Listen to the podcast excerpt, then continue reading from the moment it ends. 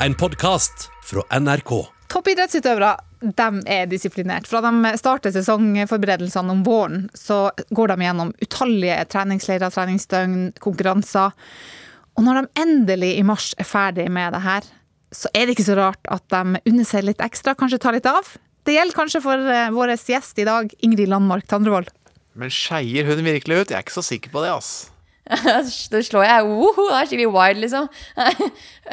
Høres ut som den største nerden. Ja, for det er nerdete, eh, måten hun skeier ut på. Eh, det skal vi høre mer om senere i podkasten, hvor vi skal opp på pallen og inn i garderoben. Velkommen til sporten. Sporten med Carina og Carl Andreas.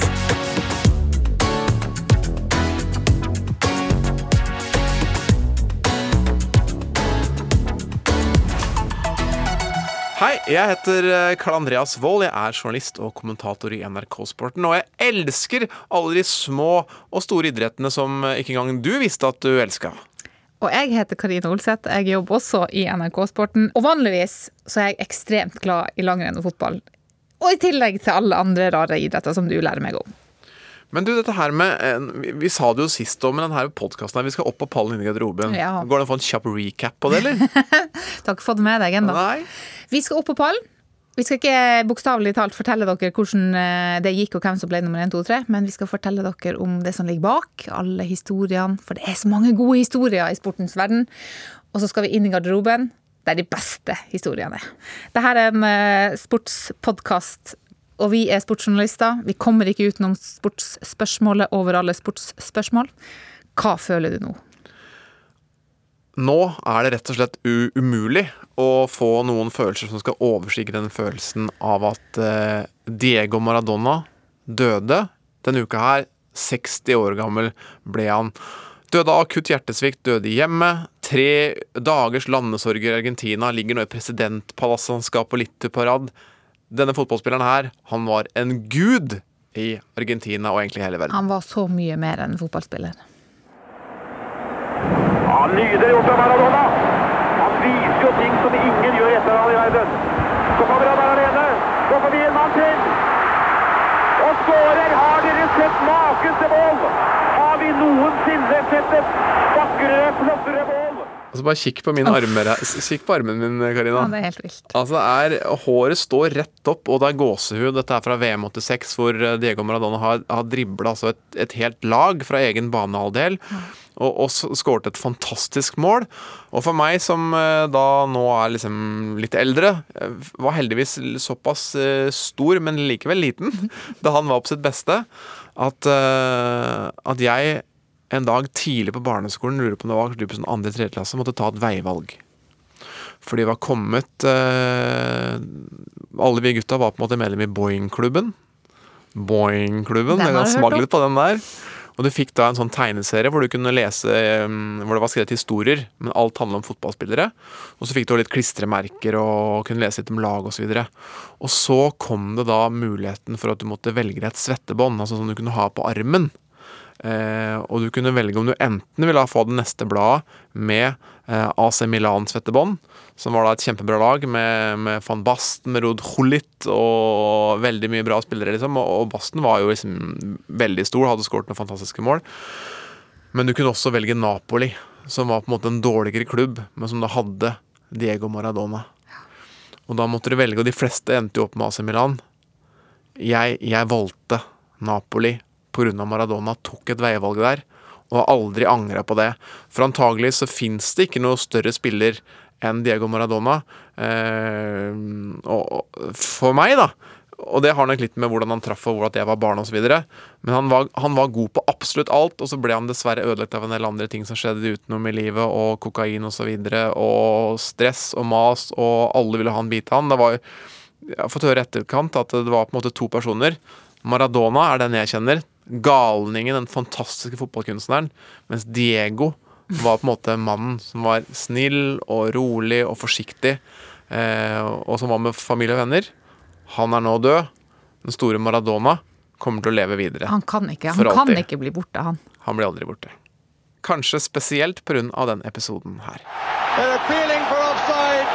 The ball came back off the foot of Steve Hodge. And Maradona gives Argentina the lead. The England players protesting to the referee. Uh, at what point was he offside? Or was it a use of the hand that England are complaining about? Det her er altså fra den samme kampen der han eh, skårer det som av mange blir eh, snakka om som tidenes vakreste VM-mål. Han skårte også et eh, nummer to-mål der som har vært omdiskutert. Han skårte med Guds hånd. Ja, Så det var ikke han som skårte, det var Gud som satte det målet Ja, der. var det Gud eller Maradona? Det kan man ikke være helt trygg på. Han løfter altså en liten hånd opp, en liten knyttneve ved siden av hodet sitt, og så løfter han litt over hodet, så han blir to-tre centimeter høyere enn det han egentlig er. Og da får han akkurat løfta ballen over eh, den engelske keeperen, og så blir det den avgjørende skåringen, og Maradona, og Maradona og Argentina går videre. Der holdt du på å si Margentina. Ja, jeg ble nesten. Og det, det jeg vurderer de nå å skifte navn til, faktisk, men det har ikke kommet så langt i prosessen. Maradona han har gitt oss eh, noen store øyeblikk, og kanskje er han den aller, aller største idrettspersonligheten vi har eh, sett noensinne. Vi skal snakke med en stor idrettspersonlighet eh, i dag også. Kanskje ikke på Maradona sitt nivå, men vår gjest hun er kanskje landets artigste idrettsutøver. Jeg, vil si at jeg tror hun er morsommere enn Maradona, faktisk. Ingrid Landmark Tandrevold hun slo igjennom som skiskytter med sølv på VM-sprinten i 2019. Og så har hun tatt eh, to strake gull med stafettlaget både i 2019 og 2020. Og for oss som følger vinteridretten tett, så leverer hun også best i intervjusituasjonen. 24-åring fra Fossum i Bærum. Hun er reist til Finland, er på plass der eh, før verdenscupstarten i Kontiolahti. Men hun stoppa her for å snakke med oss før hun dro. Hun måtte det. Vi er så glad for at vi har fått med oss en eh, kvinnelig gjest i dag. Eh, Det må vi jo alltid ha litt fokus på. Og enda gladere er vi jo for at det er Ingrid Landmark Tandrevold som har sagt ja til å være med. Hei! Hei, hei! Du, du, du, du er jo en erfaren podder eh, i, i forhold til meg og Karl Andreas. Så, og siden dere heter Kant ut, eh, så har vi eh, valgt å kalle det her for Kant inn-intervju. Er det greit? Ja, det er veldig greit. Det er jo vesentlig bedre med kant inn enn kant ut, sånn egentlig. Så det er jo riktig navnvalg. Nå er det jo like før eh, sesongen starter for dere. Eh, Vi krysser i hvert fall eh, fingrene for at dere kommer i gang. Men før du reiser ut på sånne her turer, så har jeg hørt at du har eh, en og annen utfordring med, med antall collie. Har du blitt Ja. bedre eh, på det med årene, eller? Eh, nei, det har jeg ikke. Eh, eller jeg kunne jo, kunne jo løyet og sagt ja, men, eh, det, men i det år så har vi fått da Eller de andre hadde ikke fått beskjed, men jeg har fått veldig streng beskjed om at eh, man må pakke litt lettere og, og alt sånn. da. Eh, så passe på at ikke bilen blir for tung. og eh, Vi skal jo antageligvis fly charterfly mellom eh, mellom destinasjonene, og der er det litt sånn bagasjebegrensning og sånne Ja. ting. Så eh, det gjelder å pakke smart, da. Men jeg syns jeg pakker smart. Så Ja, jeg, jeg står står Hva er det du har med deg? Altså, du dropper alt det vanlige, liksom, altså det skiskyttertingene og treningsklær og sånn, hva annet er det som må med? Um, jeg har jo med meg sånn yogamatte og sånne ting, da, og det er jo klart at den er jo litt tung. Eh, så har jeg alltid med meg en sitronpresse, fordi at jeg skal drikke Og det er vanskelig å spørre kjøkkenet om en sitronpresse hver morgen, så er det liksom greit å bare ta med seg sin egen. Og så er det jo podkastutstyr, eh, som jeg har ansvaret for. Eh, og ja, da begynner det jo liksom å fylle seg litt opp, da. Ja. Så jeg vet da Jeg vet ikke hva jeg skjønner, altså Min konklusjon i denne debatten her er jo egentlig bare at jeg ikke skjønner hva de andre har med. For jeg føler jo at jeg bruker alt jeg har med. Og det er ingenting som, er liksom, som du blir liggende nederst i bagen? Eh, ja, OK. det kan jo være, faktisk. Men samtidig, ikke sant. La oss si da, hvis jeg da ikke sant, Regntøy det kan jo plutselig bli liggende nederst i bagen, men eh, plutselig så trenger man det jo.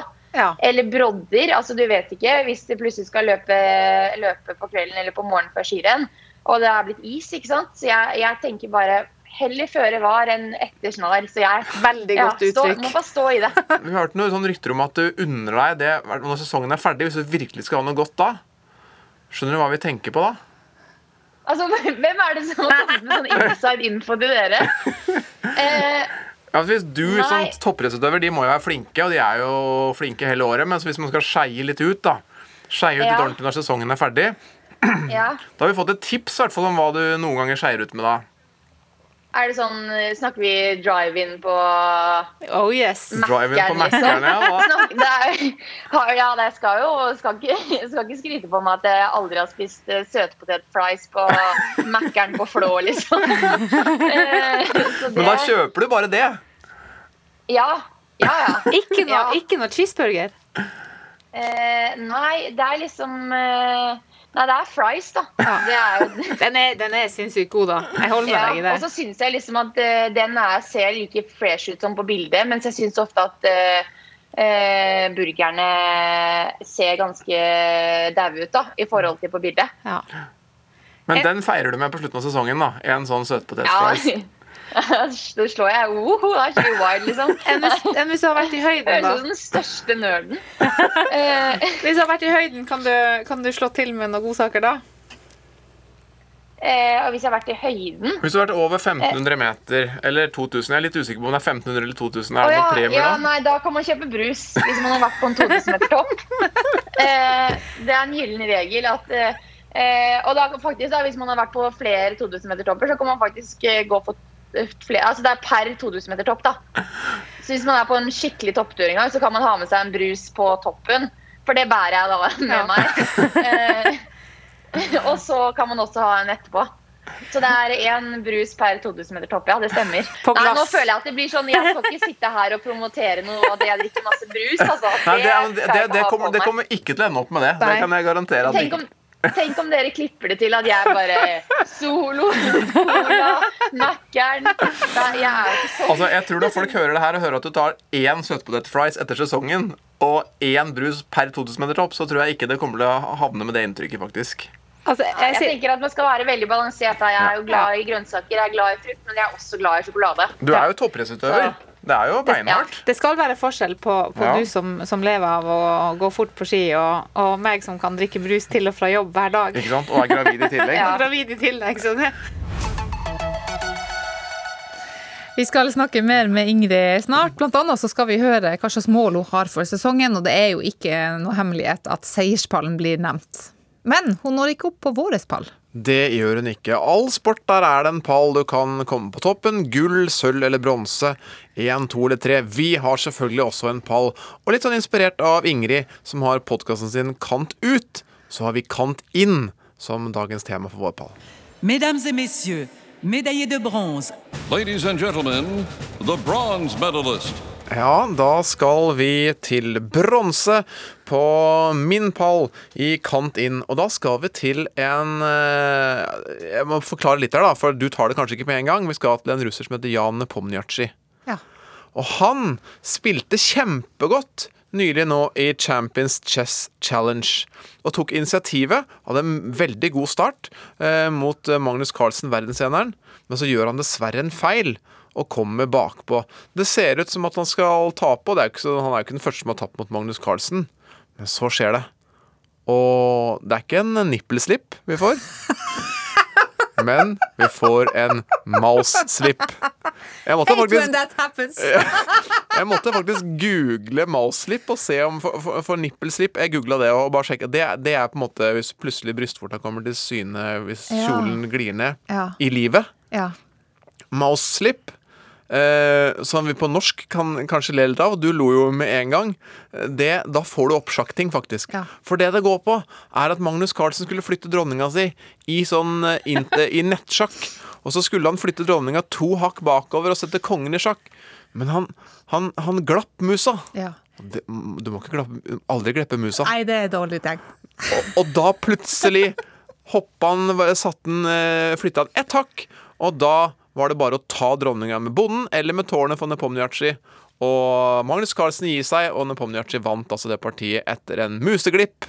Eh, og det, det er kant inn og bronse for Nepomniachtchi. Vi skal til min bronse. Her er jeg litt mer tradisjonell. Jeg mener at OL-gullet til Håvard Holmefjord Lorentzen i Pyeongchang i 2018 er en skikkelig kant inn. Her har vi altså venta i, i 70 år på at en nordmann skal vinne 500-meteren på skøyter. Og så kommer det i Pyeongchang, og han vinner ett hundredel. Det er så liten margin, det. Og det er så Altså, det er sånne små ting som gjør om det er det ene hundredelet han kommer foran, eller han kommer bak.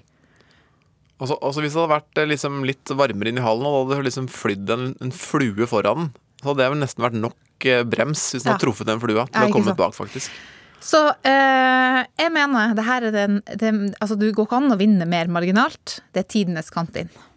Ja, enig det. Men det var bare bronse, ja. Og helsike, så vi skal ha noe greier på sølv og gull her.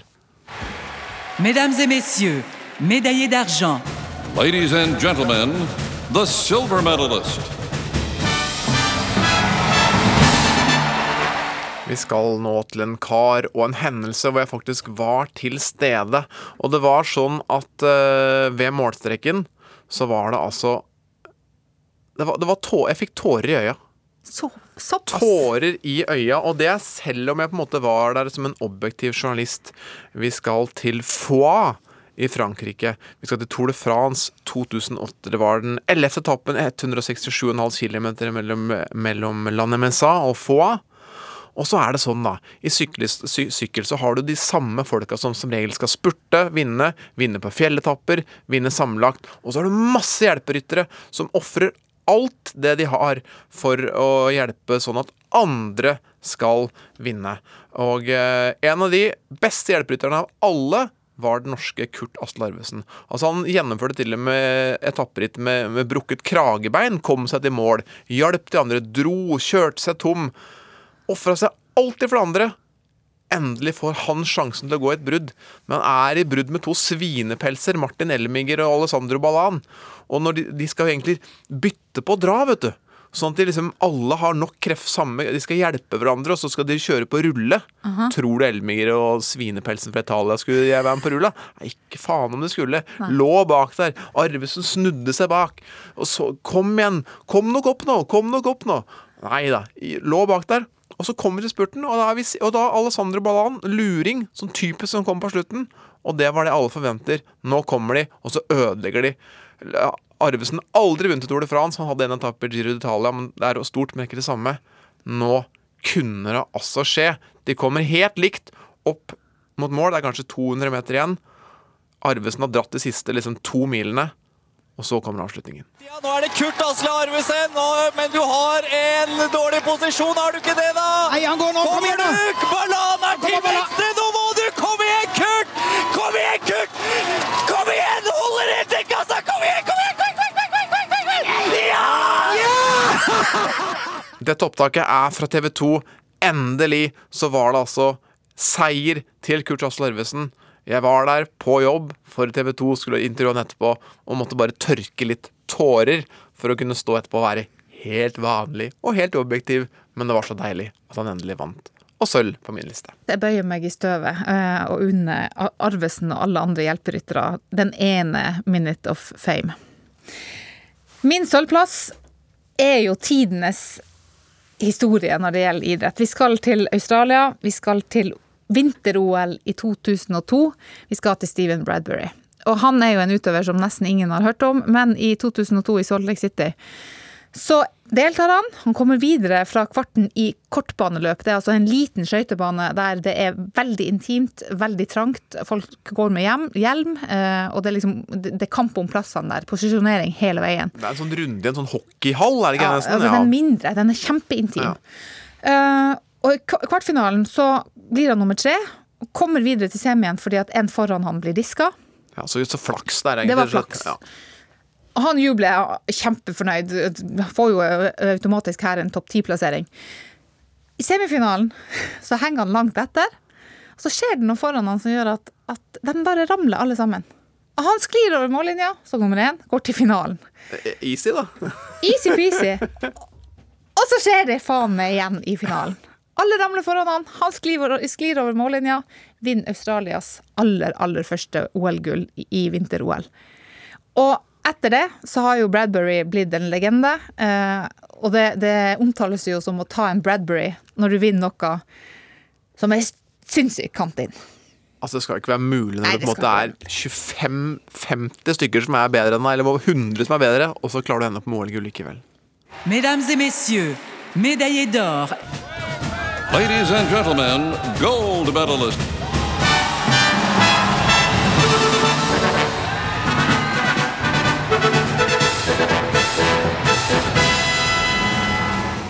Nå skal du få høre om en kroat som heter Goran Ivanisevic, som kanskje du ikke har hørt om, men som hadde en veldig, veldig spesiell historie.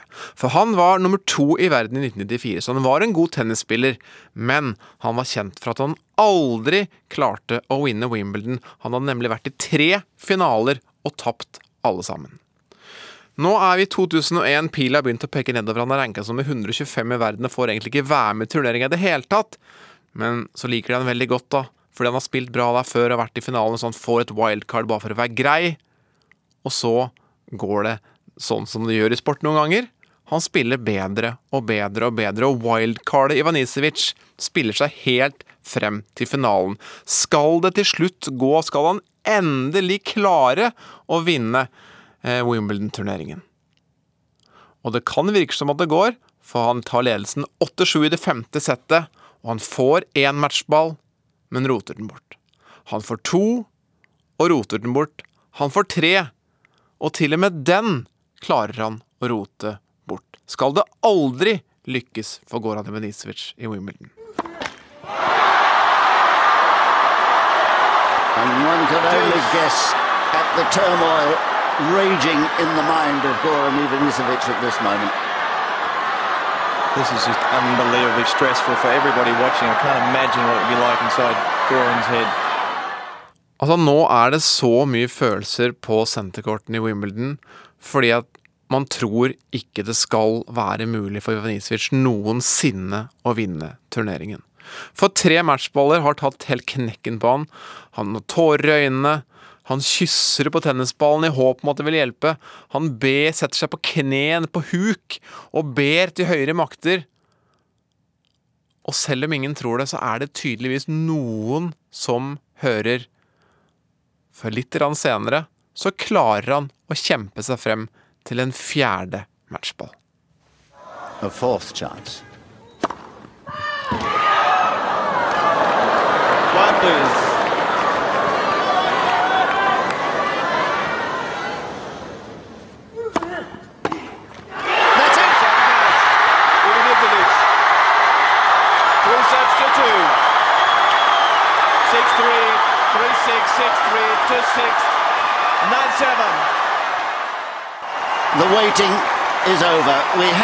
new Wimbledon champion. A man who four times now has attempted to scale the ultimate heights.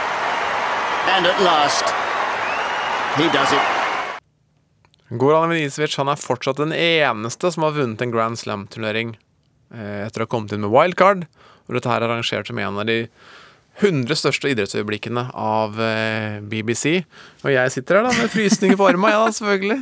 Men eh, endelig lykkes det. Det var kant inn for Goran Ivanisevic etter så mange år med nesten man må, man må ikke gi seg, Karina! Nei, man kan ikke det. Og det er jo det som jeg syns er best med denne historien her, at, at en fyr som har eh, prøvd og prøvd og prøvd og prøvd.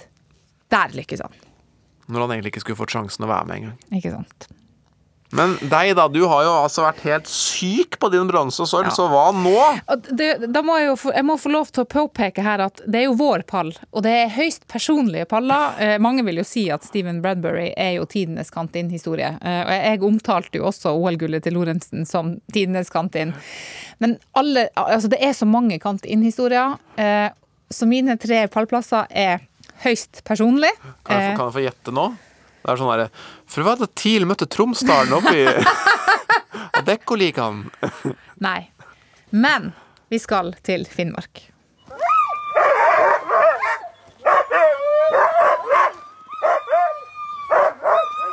Det her er altså lyden av Petter Karlsson sitt hundespann. Vi skal til Finnmarksløpet i eh, 2008.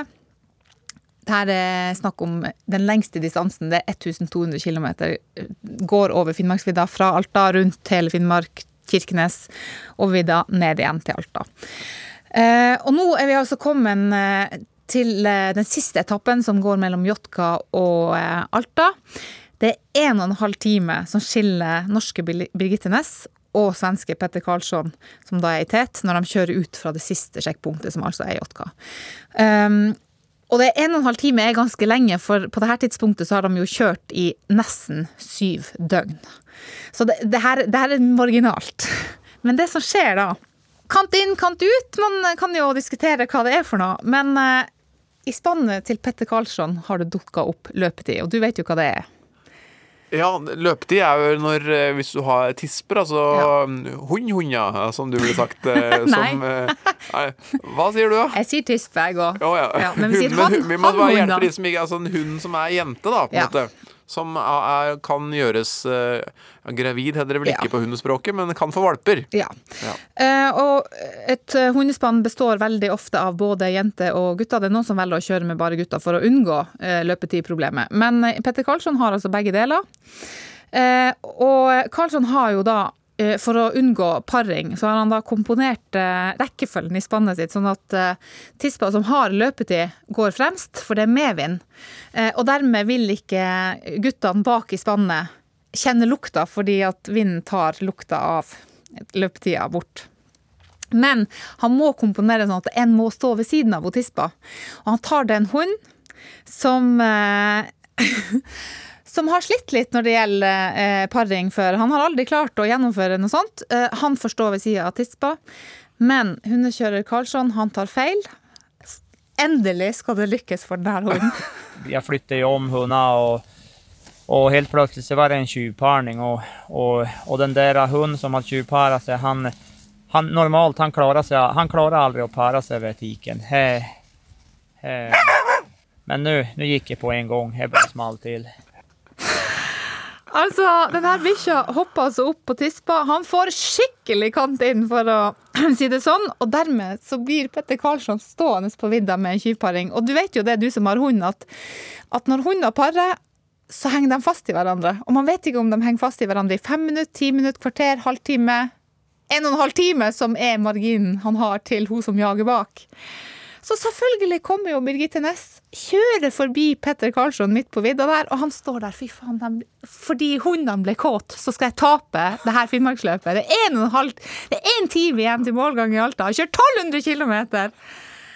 Altså, kan du tenke deg, og, i Finnmarksløpets 1200 km, det er gode premier, det er snakk om en halv million, liksom. Men heldigvis så har jo hunder andre instinkter. De har jag, jakt- og jagerinstinktet. Så når de har fått et spann foran seg, så lukter de altså seier. Så når målgangen skjer, etter syv døgn på vidda i Alta sentrum, så kommer Petter Karlsson inn først. Med løpetidsspannet sitt, nypult og fin. Birgitte Næss hun kommer etterpå og er syv minutter bak. Og han vant likevel. Han vant likevel! Er ikke det kantinn, da? Det er kantinn da. Men, kan, kan jeg bare si ett ord som jeg på en måte tar med meg spesielt fra det her? Ja. Denne fantastiske historien. Ja. Det, det tror jeg er tjuvparing. ja, men det heter tjuvparing. Ja, men, Kan du tenke deg å ja, miste men- en halv million i, i, i premiepenger pga. tjuvparing? ja, men er, er det, er det altså tjuvparing? Skjer det bare i sånn hundespannsport, eller er det liksom når, når noen parer seg som ikke skulle ha para seg? Du vet jo, hundene er ikke helt å holde styr på. Så hvis de stikker av i løpetida, eh, så skjer det det er nok mange kvalper rundt om i, i Norge som er resultat av tjuvparing, ja. Opp på pallen og inn i garderoben. Det her er sporten. Har du forslag til eh, hva slags tema vi skal ha på pallen, send en mail til sportenpod at nrk.no. Men nå må vi tilbake til praten vår med skiskytter Ingrid Landmark Tandrevold, som hadde en eh, jeg vil si, ganske spesielle kombinasjon å være en ener på skolen. Samtidig var hun en skikkelig bråkebøtte. Nå ble jeg litt sånn sjenert av å snakke om Nei, sånn, eh, skole. Sånn. Nei, men jeg har nok eh, eh, vært Jeg, jeg har jeg jobba hardt, men jeg tror nok også jeg har lært veldig mye av det å være toppidrettsutøver eh, i skolearbeidet. Og at man blir veldig strukturert på OK, nå, nå skal jeg være til stede, nå skal jeg jobbe, og så kan jeg gjøre noe annet etterpå. Um, eh, samtidig som som jeg var nok heldig at jeg kanskje tok en del ting ganske kjapt da, eh, på skolen. Og eh, jeg, jeg, altså, jeg, jeg, skravla nok mer enn mange andre da, i timen og sånn også. Ja, det har vi også Eh, hørt litt om. Ja. Eh, så det er klart at jeg eh, jeg ble, jo, jeg ble jo sendt ut litt på gangen og sånn også, sånn som man blir det på barneskolen. Det kunne jo jeg bli eh, ganske lenge, da. Eh, fordi Nei, fordi jeg klarte jo ikke å, å holde kjeft, da. Nei. Eh, egentlig. Eh, og det er jo Det kjenner jeg at jeg er litt flau over nå. Eh, at jeg måte Det skal ikke være så vanskelig. Eh, men jeg har jo mye på hjertet, da. Uten at det er noe god unnskyldning. Eh, men, men jeg er veldig, veldig stolt over eh, de karakterene og sånn jeg, jeg har hatt på skolen. eh, Og føler meg på en måte veldig trygg på at eh, det er noe som lønner seg. Da. Hvis, nå studerer jeg jo ikke noe nå, men jeg vet i hvert fall at den dagen jeg skal gjøre det, så kan jeg eh, komme inn på det studiet jeg vil og, og gjøre eh, det jeg vil. Da. Og det er jo en trygghet å ha i, i bakhånd. Det er, det er liksom kombinasjonen av, det er kombinasjonen av det å ha toppkarakterer, men bli kasta på gangen én gang i uka. Den er spesiell. morsom. Ja, den er eh, eh, Ja, nei, det, det er meg, da. Så, Altså, Karina er jo litt sånn avhengig av smågodt, og jeg elsker på en måte sjokolade. Men eh, du, du har bøffen din, men du har, du, har prøvd, du har prøvd å slutte med det, ikke sant? ja, ja, ja. Ja, jeg har ikke lasta ned den der snusstopp-appen og begynt å bruke den. og, og sånne ting. Finnes det sånn bøff-stopp? Ja. Eh, Kanskje jeg skal utvikle det. Eh, Nei, altså jeg har jo prøvd å Jeg har jo hatt nå et lite sånn eh, En sånn eh, Prøvd å slutte litt i år, da. Eh, Med å sove med bøff på natta, i hvert fall. Ja, For du bruker det 24, er- 24 timer i døgnet, ja. Eh, nei, ja, det er jo ikke langt unna. Det er det ikke. Men det å så nå, Jeg slutta litt i sommer, faktisk. Men, eh, men nå er det på'n igjen, da. Ja. Nå, ikke sant. Men jeg, det, vet du hva, jeg syns du skal fortsette med det, fordi at det er jo Altså, fallhøyden er jo enorm. Hvis, Ja. du, hvis du plutselig skulle få en liten snørrforkjølelse her, så, Ja, ja. så er jo alt Og at jeg ikke har hatt på bøff, det blir jo liksom sånn Da har den tanken planta i hodet resten av livet. Ja. Hvor mange bøffer har du pakka med deg nå når du skal ut? Um, ja, er, det, er ikke, det er ikke mer enn sånn uh, fire, kanskje. Hvor mange, er leggva- ikke- hvor mange leggvarmere har du med da? Um, jeg har med altså, sånne lange sokker. Uh, jeg har med ja, tre par. Ja. Men det bruker du bare på vinteren. Eh, nei, nei, det er jo ikke sant, når, i hver gang, altså Jeg er veldig glad i å gå i shorts, så da, da kan man jo da gå med shorts og lange sokker. For du blir jo aldri kald på lårene. Hvem er det som blir kald på lårene, da? Eh, Men det er jo på anklene. Ja. Anklene blir man jo Det her lærte jeg da jeg tok scooterlappen. Det er jo halsen, håndleddene og anklene. Det er sånne kritiske punkter. Så hvis man er varm der, så går det greit. Så derfor bøff, eh, høye sokker eller lange ullsokker, og så ja, pulsvarmere da, blir vel kanskje det neste. Hvordan skal det bli for deg på en måte eh, når du nå må bo på enerom? Du som er så sosial, du var jo litt inne på det, men hvordan, hvordan skal du løse det? Ja, det er klart at det blir jo sikkert en høy telefonregning. Det er jo ingen tvil om det. Kan du bare ligge oppe med Skype? Er ikke det smart? Eh, jo, det er jo den nye hverdagen, det. Det er jo bare sånn at man facetimer, og at man bare er, er, er på FaceTime, men at det ikke skjer noe. Men eh, det er jo ofte sånn at vi har ganske dårlig eh, internett på mange hoteller. Eh, så det er klart at for at man skal da beholde den gode stemningen i eh, innad i gruppa da, eh, på kystlandslaget, så er det jo veldig viktig at det ikke blir sånn at gutta skal game mot hverandre, og så skal eh, med liksom online, ikke sant? Og de tar jo da alt nettet. Og så hvis vi andre også skal ta nettet samtidig, så krasjer jo alt, og da blir det jo ikke sant? Da blir det dårlig stemning. Så man må finne en sånn mellomvei, da. Har dere en nettansvarlig i gruppa? Eh, nei, men vi burde hatt det. Eh, på, så det blir spennende å se. Det blir et nytt år for alle, så vi får se om det er liksom da nettet som eh, rakner i år, da.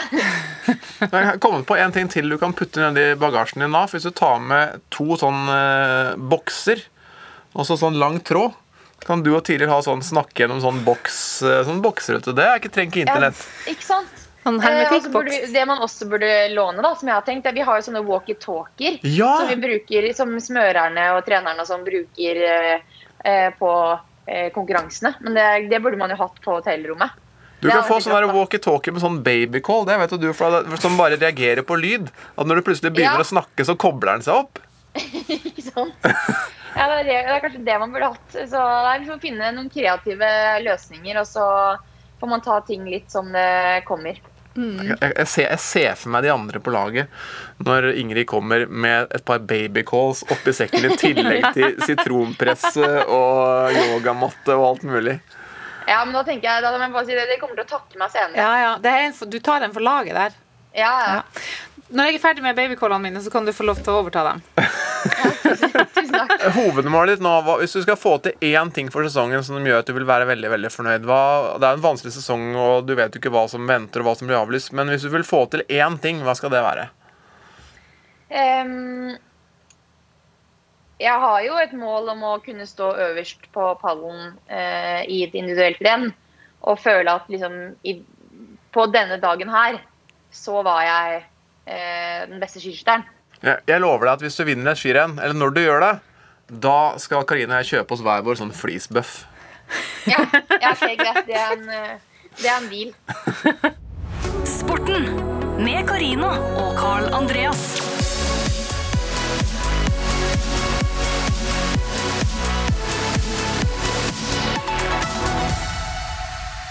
Neste uke skal vi snakke med en fersk seriemester. Patrick Berg kommer rett fra karantene til vår podkast. Send inn gode spørsmål eller gode historier om Patrick til vår mail sportenpod med 1d at nrk.no. Det blir nordnorsk fotball, altså. Det blir det. Det og, og han har mye som må ut, for han satt jo i karantene mens alle de andre gutta feira. Ja, Vi får håpe han har skikkelig myndigere når han kommer hit. Men eh, før vi kommer til neste uke, så klarer jeg ikke å gi helt slipp på den store legenden. Vi må litt tilbake til Diego Armando Maradona. Ja, Nydelig spill, det er trangt. Og Maradona kommer til avslutning, og han skårer! Maradona skårer! En fantastisk skåring av Maradona! 14 minutter helt i krysset. Altså, vi har jo vært innom eh, skyvparing, eh, vi har snakka mye kant inn, og vi snakker mye Maradona. Og, og alle de her tre tingene sausa sammen blir jo eh, et tema som jeg ikke klarer helt å la være å nevne når vi først eh, snakker Maradona. Fordi han, han har jo en haug med unger. han var bare gift én gang, eh, og det var med barndomskjæresten Claudia. Hun eh, De møttes da de var 15-16 år og, og var kjærester i mange år. og Så gifta han seg, var gift i 20 år, og de hadde helt til han, han døde et veldig godt forhold. De fikk to unger i lag, eh, Dalma og Gianina. Eh, og så har han jo da i ettertid eh, fått unger, eh, og de har ikke nødvendigvis vært null år og null dager i det han fikk vite om dem. Eh, det er bare et år siden han eh, anerkjente at han offisielt har åtte barn. Altså, han har levert. Han har levert, og det har vært På mye, mye kant inn. Altså, Dalma, som da er den eldste, hun ble født i 87.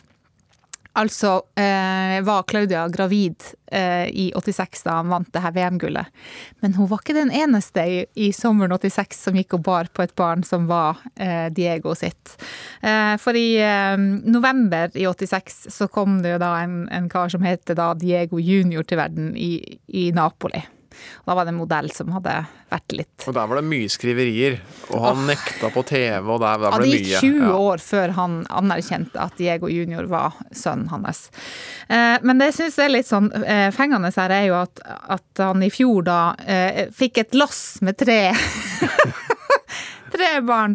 Joana, Lu og Javelito. Eh, som da, eh, etter en, en, eh, en tur til Cuba Eh, og hvor, hvor Diego bare samla opp en masse farskapstester. Så kom det da tre barn ut av det her. Og alle Fra de, samme mor, eller? To av dem er fra samme mor, den ene er fra en, en annen mor. Ja, så det var jo bra å klare å samle to, da, i hvert ja, mødrene er ikke offisielle, men, men fornavnet på de her barna er da kjent. Uh, og, og grunnen til at han hadde plutselig tre barn på Cuba, var fordi at han rundt 2000-tallet så var han på avrusningsklinikk på Cuba. Han var venn med Fidel Castro Ja. og elska Che Guevara, Ja, så, så- der måtte legge igjen litt. Ja, så, eh, så dermed så ble det tre til. Eh, Og så har han da, eh, det er ikke mange år siden han fikk sitt foreløpig kjent, altså siste kjente barn. Og det er jo da Diego Fernando. Han, han er syv år i dag. Så Diego han jobba på til godt opp i årene, kan man si. Men vil du ikke si på en måte at, at når du først er en så god fotballspiller at, du, at han, han tar litt ansvar, på en måte, og bare prøver å, å dele det og gi videre. Ja, det er viktig å føre, føre genene videre. Og, og han, Diego junior i Napoli han har jo vært en habil spiller, da. Eh, Ikke på, selvfølgelig ikke på sin fars nivå, eh, men, eh, men han, har, han har spilt bra fotball. Men det jeg syns er best med denne historien, er jo da at eldste, ikke eldstedattera, nest eldstedattera Gianina Um, hun har jo da skrevet på Twitter etter at de her tre siste ble offisielle. så skrev hun tre til nå, så har vi en elver. You can do it! Og hvis det er noen som kan klare det selv etter sin død, så er det vel Diego Romano Maradona, eller? Ja, og advokaten har også uttalt at uh, there's gonna be a lot of Maradonas. Så uh, her er det Siste ordet er overhodet ikke sagt, og vi kan jo håpe på at verden får se noen eh, fotballspillere som er like aktive og klinkende i krysset som sin far. Den vanskelige andre episoden er i boks. Ja, nesten. Jeg kom på én ting her som jeg var, var sånn usikker på om jeg skulle si. Men du vet den derre eh, museglippen til Magnus Carlsen, Ja, eh, som vi snakka om tidligere. ja den husker jeg. Og så har vi jo på en måte hatt eh, Vi har jo på en måte hatt episodetitler vi har handla mye om Kantin. Ja. Kunne jeg sagt Køntin på den, eller? Jeg velger å ikke svare. Jeg, jeg gruer meg jo allerede til neste uke, for da skal det være nordnorsk eh, vri over denne Ja, podkasten. ikke, ikke, gå, ikke gå dit, Siv. Hvem som har lagd dette du? Vi tullingene i studio er Karl Andreas Aall og Karina Olseth. Teknisk ansvarlig er Ida Larald Brenna. Produsent Geir Elle. Og vet du hva? NRK har masse andre gode podkaster du kan høre på oppdatert. Det gir, de gir deg det lille du trenger for å henge med på sakene alle snakker om. Kåra til årets podkast 2020. Du finner det oss og de der du finner de fleste podkaster. Ha det. Ha det. Du har hørt en podkast fra NRK. Hør flere podkaster og din favorittkanal i appen NRK Radio.